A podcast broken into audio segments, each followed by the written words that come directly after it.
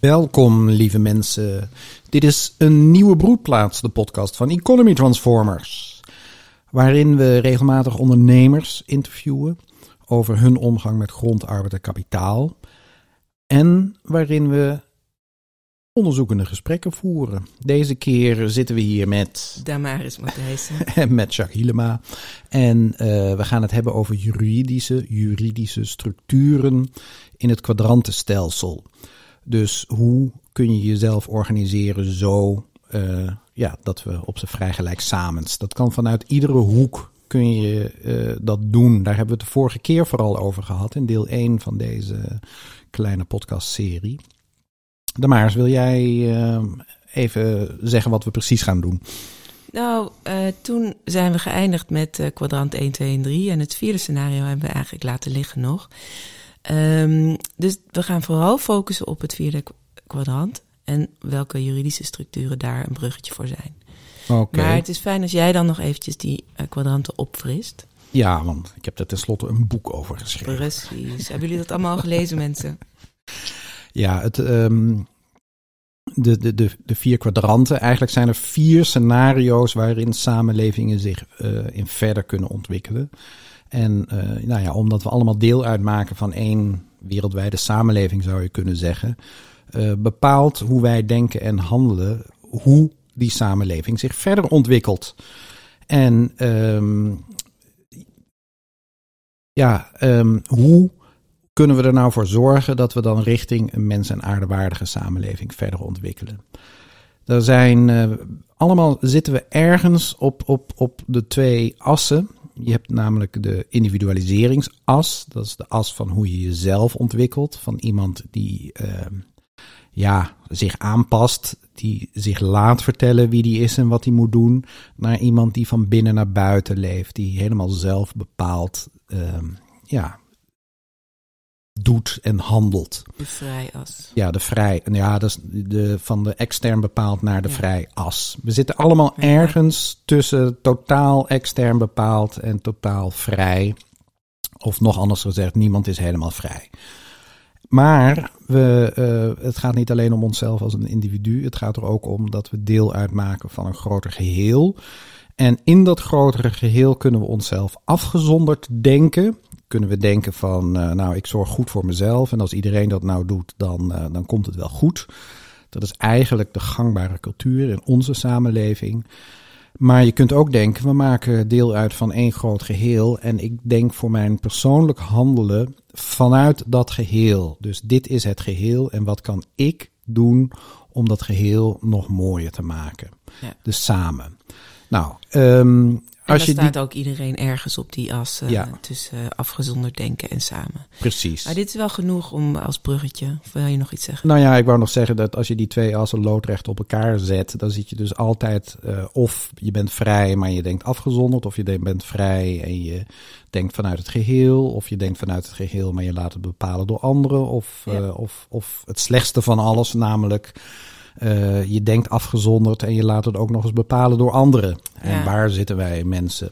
Oké, dan maar eens. uh, Ja, en deze kwadranten, dit, dit gezichtspunt, je, er is dus geen ontsnappen aan, hè, want iedereen is individu en zit dus ergens op die as per definitie. En iedereen kan wel of niet zich afgezonderd of vanuit het geheel denken. Je zit altijd op deze assen, ben je ergens. Dus je acteert ook altijd in deze kwadranten. Uh, of je plek is ergens in deze kwadranten. Maar deze kwadranten zijn dus ook heel als lens heel goed te gebruiken voor ja, alles wat je maar wil bekijken. Zo ook juridische structuren. Dus in de vorige podcast leggen we uitgebreid uit dat rechtsonder hè, wel zelf bepaald, maar op jezelf gericht, dat daar de BV en de NV-structuren heel goed passen. Um, daar was ik een beetje kort door de bocht uh, begonnen en vond jij? vond ik. Ja, dus um, dat viel me wel op in die podcast dat ik zo iets heel strak kan introduceren en dan komt daarna de nuance. Dus ik dacht van mensen, haak niet af. ja, maar dat gebeurt altijd. Hè? Als je naar artikeltjes kijkt, het begint met een hele stellige bewering ah, ja. en dan komen de argumenten waarom oh, iets dus wel of niet zo is. Misschien wel zo. Het is. Het is helemaal niet erg. Oh, uh, ik schrok er een beetje vanzelf. Dat je zo stellig was. Ja, ja. Damaris ja. heeft namelijk net de podcast nog eens beluisterd. Ja. Ehm, maar bij de BV-NV bleven we ook een beetje hangen in die loondienstverhoudingen. Vond ik dat het, dat, dat de reden is waarom je een voor een BV kan kiezen. En dat is zo. Ehm, want dan kunnen mensen een hypotheek krijgen door die salarisverhouding. Maar er zijn natuurlijk veel meer redenen eh, te bedenken. Onder andere belastingzaken. Eh, daar gaan we helemaal niet op in. Ik ben ook absoluut geen fiscalist. Ik weet er echt te weinig van. Dus ik raad ook uh, de initiatieven die ik begeleid aan om er een fiscalist bij te vragen. Maar dan wil ik ook zeggen dat wij zelf ook um, wel eens bepaald hebben, wij staan met het veerhuis, om de rekening van de fiscus wel te betalen, ook al vonden we hem onterecht. Of omdat we toch, en, en hadden we er onderuit gekund door een andere constructie te bedenken, omdat we dit toch de enige juiste vonden in het rechtsboven kwadrant. Dus je kan nog steeds zeggen, ja, dan betalen we die rekening maar, dan gaan we hem crowdfunden, of uh, omdat we nou eenmaal dit echt zo willen. Ja, ik, ik, ik, ik wil nog eventjes scherp, ja, scherp hebben van waar het om gaat. Je kunt vanuit iedere kwadrant kun je je zo organiseren dat we rechtsboven in de vrijgelijk samen kwadrant uh, uh, ja, mens- en aardewaardige vormen creëren. Ja. En vanuit uh, rechtsonder, dus vanuit de BV en de NV, um, dat hebben we net besproken. Ja, je kan niet. Wat zeg je nou eigenlijk? Ik zeg dat je dus naar elk van de andere kwadranten een bruggetje kunt Ja, vormen ja, ja. om rechtsboven Te blijven. een mooie, een mooie samenwerking, een deelgenootschap te creëren. Ja. En in dit geval heb je het bruggetje naar rechtsonder besproken. Ja, klopt. Ja. Ja, en, en in die vorige pod- podcast leg ik uitgebreid uit wat de dynamieken in die verschillende juridische structuren zijn, die je dan uh, ja, Hebt te hebt te neutraliseren. neutraliseren om dat bruggetje goed te slaan. Ja.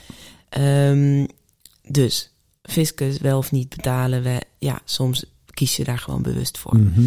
Ehm, linksboven, dus wel vanuit het geheel denkend, maar opgelegd, kom je terecht bij de stichting eh, met een bestuur, wat het hoogste orgaan is. Linksonder eh, en extern bepaald en op jezelf gericht, kom je bij die merkwaardige combinatie van een coöperatie of een vereniging uit, waarin je de, hoogste orgaan zijn eigenlijk de leden. ehm, maar je zit ook met de dynamiek van top-down bestuur. Dus dat is zo'n. Zo'n nou, daar elkaar. uitgebreid op ingegaan. Ja. In de vorige podcast ook uitgebreid ingegaan op een, hoe je een bestuur neutraliseert met een eh, onderhandse akte. Ik vond dat. Het is echt een goed verhaal. Ik zou willen dat iedereen dat eh, luistert. Ik ben heel benieuwd wat jij er dan van vindt. En of jij ervaring hebt. Ik hoor dat echt heel graag terug. Ehm, maar voor vandaag, rechtsboven, kwadrant, het vrijgelijk samen kwadrant, eh, deelgenootschap. Ja, wat is daar nou een juridische stru- structuur die daar gewoon eigenlijk het allersimpelste bij past? En eh, als, ja, we, hebben, we zeggen eigenlijk in dat rechtsboven kwadrant, wil je verantwoordelijkheid nemen voor je daden. Eh, dus, eh, dus je wil daar eigenlijk ondernemer zijn en privé aansprakelijk blijven. Dus dan kom je terecht in de VOF, in de maatschap, eh, zelfs ja, samenwerkende zelfstandigen. Maar zodra daar kan het mee beginnen. Wij zijn ook zo begonnen. Ja, wij als, als eh, Economy Transformers, de Maris en ik zijn ZP'ers die Ja. samenwerken. Ja, en dat gaat eh, een tijdje goed. Mhm. Ehm, eh, maar op een gegeven moment wil je je verbinden. Wil je meer samen doen. Wil je meer rekeningen en inzichten in. Weet je, dan Ja, wil je een overhead- gezamenlijke rechtsvorm, wil je dan? Ja, dan komt er dus overhead. Dan moet je, wie gaat de website onderhouden? Ja, dat, dat, dat, kan, dat, dat levert geen geld op. Dus dan moet je dat naar elkaar gaan toe eh, factureren. Dus op een gegeven moment wil je gewoon één boekhouding met inzicht in uitgaves en, kost, en kosten. En, eh, dat zijn uitgaves en inkomsten. Ehm, dus dan komt er een noodzaak om je meer te organiseren juridisch. Ehm, ook richting belasting wil je gewoon één onderneming worden. En dan is eigenlijk dus de maatschap of de VOF een hele geschikte vorm. En de CV, En de CV is een, eh, een commanditaire vennootschap. is een, eh, hoe noem je dat? Een eh, ver- verfijning of een Nuancering, Nuancering vervolmaking. ja, van de VOF. Eh, heel veel gebruikt om belasting te ontduiken en eh, wit te wassen. En, dus ik heb ook eens met een notaris gesproken en die zei: Wij richten geen cv's meer op. Mhm. Oh, oh, nou, terwijl wij die, hè, als economy transformers die Juist weer wel juist- willen. ja, juist vanuit het goede willen op gebruiken. En dan gaat het erom dat een cv um, heeft beherende vennoten en stille vennoten. En stille vennoten, daar zit dat witwassen in, die uh, worden niet bekend. Die zijn stil, hebben geen naam. Uh, en die brengen kapitaal in. Dat is trouwens een fenomeen wat, wat, wat, wat algemeen bekender is. Hè? Dus uh, dat, dat iets wat, wat ten slechte gebruikt kan worden, kan juist ook heel goed ten mm. goede gebruikt worden. Ah, ja. En bijvoorbeeld, ja. dus even in een heel andere context, uh, de, de middleman, het midden tussen productie en consumptie. Ah. Dus de, de handel en de groothandel, ja. ja, die kunnen naar, naar de productiekant en naar de consumptiekant uh, juist heel erg afstemmend en dus echt mooi het productie op consumptie afstemmen. Ja. En dat is natuurlijk het ideaal bijvoorbeeld van, van Odin geweest en met name Koos Bakker. Uh, luister maar naar de Koos Bakker uh, de, podcast. Uh, podcast. Maar ja, de grote supermarkten, die dus ook de midden zijn tussen productie en consumptie, die, die, die, die ja, zijn een machtsblok geworden. Ja, die zijn een ja. machtsblok die buiten naar, aan de ene kant de productiekant uit. Hè, die, die, die, de boeren die worden echt, ja. ja, hoe heet dat? Ja, marktmacht. En, en, Ze kunnen en, de prijs bepalen. Precies. Ja. Dus, uh, maar dat is hier ook. Je, een cv kun je ten slechte gebruiken, Ja. belasting ontduiken. Maar je kunt het ook ten goede gebruiken door de stille Ja. vennoot een, een, een kapitaalorgaan te maken. En daarin het kapitaal te neutraliseren. Dat is nog weer een ander verhaal. Ja, dus dan maak je eigenlijk een VOF kan natuurlijk net zo goed rechtsonder als een BV en een NV functioneren. Mhm. Namelijk, je, ja, je hoopt kapitaal op. Uh, je wordt ook een, um, een machtsfactor ten opzichte van anderen.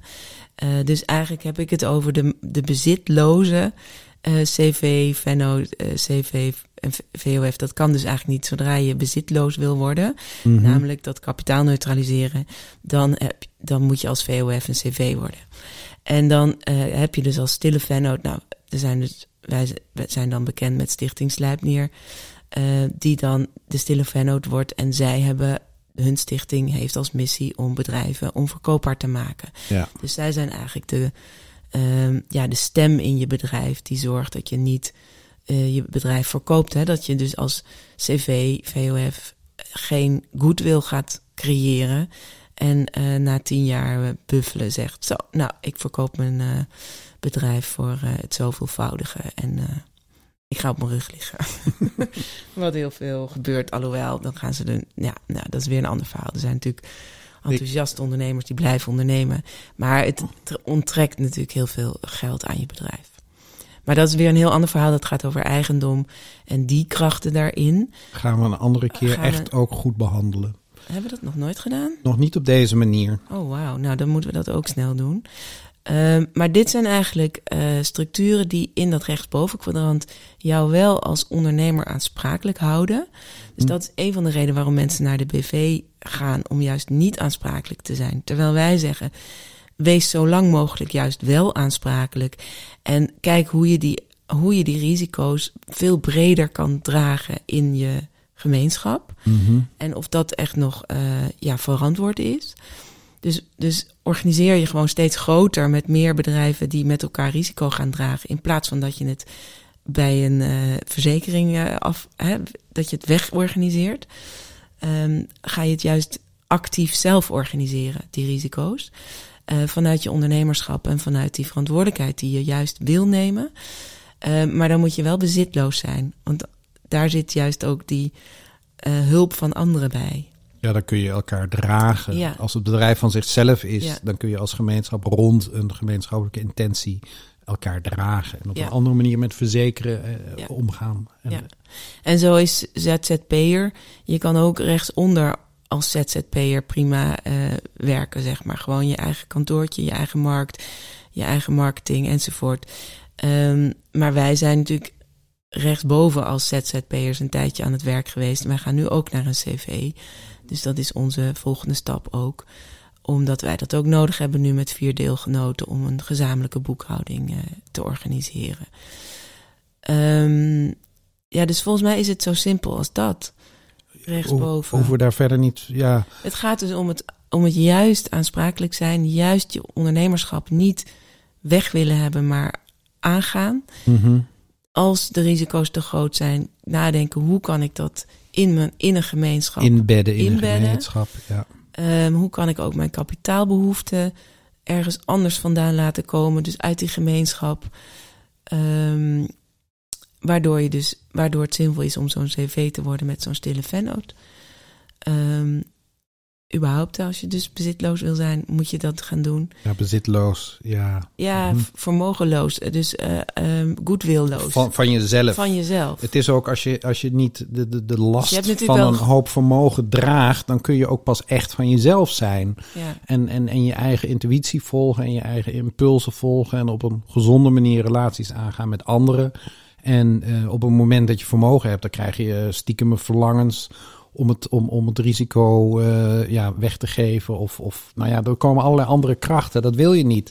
Dus Nee. jij praat over bezitsloos, maar je bent natuurlijk helemaal niet nooit Nee. echt bezitsloos. Maar dat, dat het bedrijf van zichzelf is, Ja. waardoor je zelf ook eigenlijk van jezelf kunt zijn op een Ja. goede manier. Ja, en waardoor dus de ik ben van dat bedrijf, hè, de bron van dat bedrijf, de essentie, waarom, waarom is dit bedrijf gestart, ook echt eh, kan blijven leidend zijn. Hm. En er inderdaad geen valse motieven in, eh, in terechtkomen. Ja, belangen heet dat. Ja. ja. Ja. Dus dat. eh, Wij waren dat ooit, is- het is eh, als- Nee, dit zijn gewoon hele fijne manieren. Want VOF-maatschap, je kan gewoon een cv, je kan helemaal zo invullen zoals je zelf wil. Dus Ja. het is gewoon een onderling contract wat je opstelt. Hoef je ook niet voor naar de notaris, kan je gewoon bij de Kamer van Koophandel inschrijven. Dus dat is de meest simpele vorm eigenlijk, die denkbaar is. Ja, je regelt jezelf je betrekkingen. Je Ja. kunt dus ook gaan experimenteren. hè. Dat is vaak met, met, met prestaties en inkomen. Want je krijgt natuurlijk als, als groep mensen krijg je eh, ja, inkomen. En, eh, en, en, en je kunt loslaten dat eh, ja, je kunt op een andere manier met prestaties en inkomen omgaan binnen zo'n maatschap of, of, of Ja. VOF-structuur. dat je zegt van, eh, nou, we krijgen zoveel binnen. Maar ja, jij bent in je eentje en jij hebt een gezin. Dus eh, we, gaan op, we gaan niet zeggen van, jij levert zoveel, dus krijg je zoveel inkomen. Nee, jij hebt zoveel behoeften. En, eh, en dat kan dus ook allemaal in een maatschap of in een VOF of in een CV. Dat is dat kan moeilijker, met een, met een BV om dat eh, te regelen. Dat kan wel, want dan geef je elkaar op een andere manier salarissen. Ja, waarom? Ik, ik, ja, Nou ja, ik, ik, weet niet of dat. Ik heb, dat, ik heb die voorbeelden ook wel gezien bij BV's. ja, maar wat ik wil zeggen is, het is makkelijker om, om dat in, in, in- daarmee te experimenteren binnen een maatschap of in een VOF. Ja, dat zeg jij nu. Ja, ik weet niet of dat waar is. Ik, ik, ik kan me wel voorstellen dat je in een andere. Je zit sowieso in een andere mindset als je allemaal zelf ondernemer wil zijn en dat niet wil weg hebben. Wegpoetsen, weg. Ja. eh, ja, gewoon je draagt jezelf Ja, en je en je- draagt elkaar. En je zit per definitie in een open boekhouding. Want je weet, je, hebt allemaal, je bent allemaal vennoten, beherende vennoten. Dus een jaarrekening, dat, dat is allemaal anders. In een BV heb je die eh baas-salarisverhouding. En dan ben je niet per se allemaal als, eh, me- Als medewerkers. mensen. Ja. Word je niet per se ondernemend. Dus een BV trekt ook mensen die graag een baas hebben. Mhm. Terwijl een VOF of een CV, ja, die trekt alleen maar mensen die ondernemend willen zijn. En dat Mhm. is ook best wel lastig. Veel ondernemers bij ons, die willen graag dat meer medewerkers, want ook daar kan je gewoon het salaris, eh, ook daar kan je medewerkers hebben. Die willen graag dat eh, mensen, dat medewerkers ook vennoot worden. En die stap is voor veel medewerkers heel groot.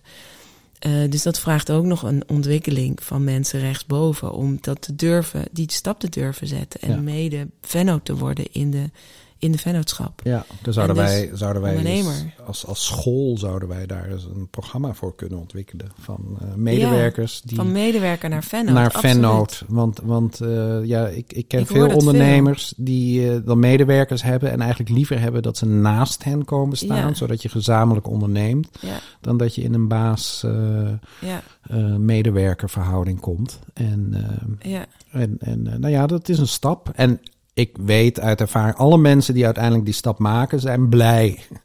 Want, eh, ja, want je komt in je kracht te staan. Je wordt meer van jezelf op het moment dat je mede-ondernemer wordt. ja. Nou, Ja. ja, ik heb nu het gevoel dat er nog wel echt veel meer over te zeggen is. Maar op de een of andere manier eh, is dat er niet vandaag. wij gaan gewoon afronden. Ja, het komt, het komt wel juist. En, en uh, ja, als er nog vragen zijn of, of, of opmerkingen of aanvullingen. Uh, het gaat dus over rechtsboven nu. Hoe organiseer je daarin? Maatschap, VOF, CV. We gaan het. Uh, ja, we hebben eigenlijk een paar dingen geraakt. Wat we nog uit te werken hebben, gaan we ook doen in de komende podcasts. En nou ja, deel onze podcast. Laat horen, laat zien dat je ze leuk vindt, als je ze leuk vindt. En ja. dat kan door duimpjes, geloof ik. En dat kan door recensies ja. erbij te schrijven. En, ja. en, en, we zijn altijd open voor vragen. Het is heel fijn als er op- en aanmerkingen komen. Het is ook überhaupt fijn om te horen dat ze beluisterd worden. En, en dat ze toevoegen dat je er wat aan hebt. Ja, om, nog heel even wil ik zeggen dat deze, al deze juridische structuren en hun krachten en de manieren waarop je dat anders kan doen, staat uitgebreid ook in mijn boek uh, beschreven. Dus oh, in ja. concreet, met allemaal voorbeelden. Dus uh, dat helpt ook als je nog vragen hebt. Ja, precies. We hebben boeken geschreven, uh, De Maris, Vrijgelijk en Samenleven, waarin heel praktisch op, op, op, op meso-niveau eigenlijk, op hoe organiseer je je in een gemeenschap of in een bedrijf? Ja. Dingen zijn uitgelegd. En uh, nou ja, ik heb het vierde scenario geschreven, dus meer macroniveau van hoe uh, ontwikkelen samenlevingen zich. En, uh, maar goed, dat is ja. nog weer een ander verhaal. Ja. Mensen, tot de volgende keer. Tot de volgende keer. Dag.